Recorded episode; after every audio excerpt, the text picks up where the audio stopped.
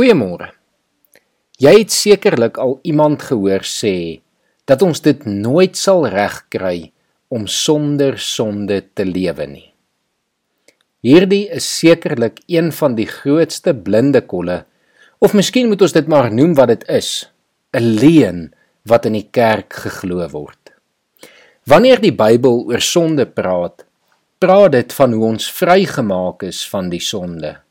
Galasiërs 5 vers 1 sê Christus het ons vrygemaak om werklik vry te wees. En die Bybel praat oor hoe ons moet volhard om nie meer sonde te doen nie. Die tweede gedeelte van Galasiërs 5 vers 1 sê staan dan vas in hierdie vryheid en moet julle nie weer onder 'n slawe juk laat indwing nie. Galasiërs waarsku ons ook dat ons versigtig moet wees om nie hierdie vryheid dan juis te gebruik as 'n verskoning om sonde te doen nie. Die Bybel vertel verder hoe ons met ons sondige natuur gebreek het, hoe ons deur Jesus se genade verlos is en losgemaak is van ons sondige natuur. Kolossense 3 vers 9 sê byvoorbeeld: "Julle het met die ou sondige mens en sy gewoontes gebreek en leef nou die lewe van die nuwe mens wat al hoe meer vernuwe word na die beeld van sy Skepper. Die Bybel roep ons op en nooi ons uit om dis 'n heilige lewe te leef, soos ons hier in die tweede gedeelte gehoor het. Petrus stel dit nog sterker deur in sy eerste brief se eerste hoofstuk vers 15 te sê: "Soos hy wat julle geroep het heilig is, moet julle ook in julle hele lewenswandel heilig wees. Die Bybel praat gereeld oor hierdie proses van heiligmaking waar elkeen van ons al hoe meer soos Jesus behoort te wees en te leef. Nou moet ek sekerlik vanoggend toegee dat dit nie altyd maklik is nie. En dit is dalk hoekom hierdie blinde kol so hou vas op ons as gelowiges gekry het.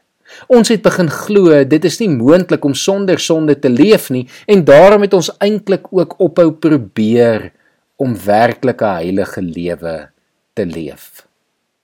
Miskien, soos jy vanoggend luister, bly hierdie leuen jou oortuig dat ek sekerlik tog die kat aan die stert vanoggend moet beet hê. Oorweeg dan gerus die volgende gedeelte uit 1 Johannes 3 vers 19. Iemand wat 'n kind van God is, doen nie meer sonde nie.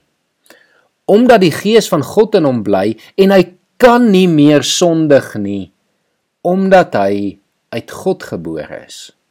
Johannes is oortuig dat 'n kind van God gelei deur die gees eintlik nie meer sonde kan doen nie. Hoe kan ons dit dan regkry? Om dus totaal en al sonder sonde te leef.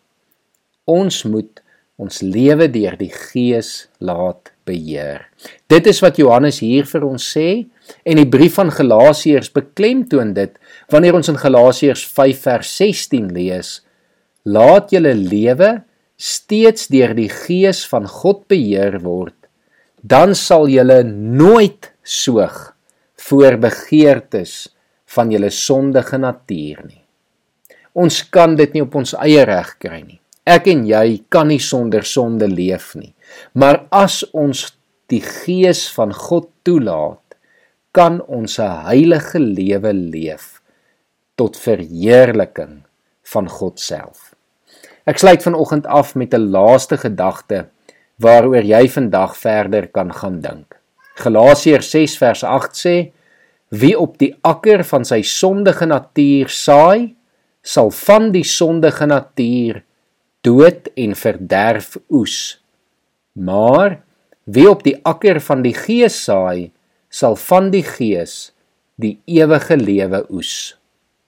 Mag jy na 'n heilige lewe streef wat deur die Heilige Gees beheer word en mag jy daarvan die ewige lewe oes. Kom ons bid saam. Here, dankie dat U hierdie week besig is om met ons te werk. en vir ons uit te wys waar dinge nie heeltemal reg is in ons lewe nie. Waar's die blinde kolle van dinge wat ons nie eens raak gesien het nie of die leuns wat ons sommer net glo. Here mag U vanoggend deur die Gees elkeen van ons oortuig van die dinge wat daar nie in ons lewe moet wees nie. Here mag U ons weer oortuig van die vryheid wat U vir ons beskikbaar gestel het, Here. Dat ons vrygemaak is van die sonde, dat ons in hierdie vryheid kan gaan leef, Here. Maar dat ons dit sal doen onder leiding van U Gees, sodat ons hele lewe, ons hele lewenswandel heilig voor U sal wees. Amen.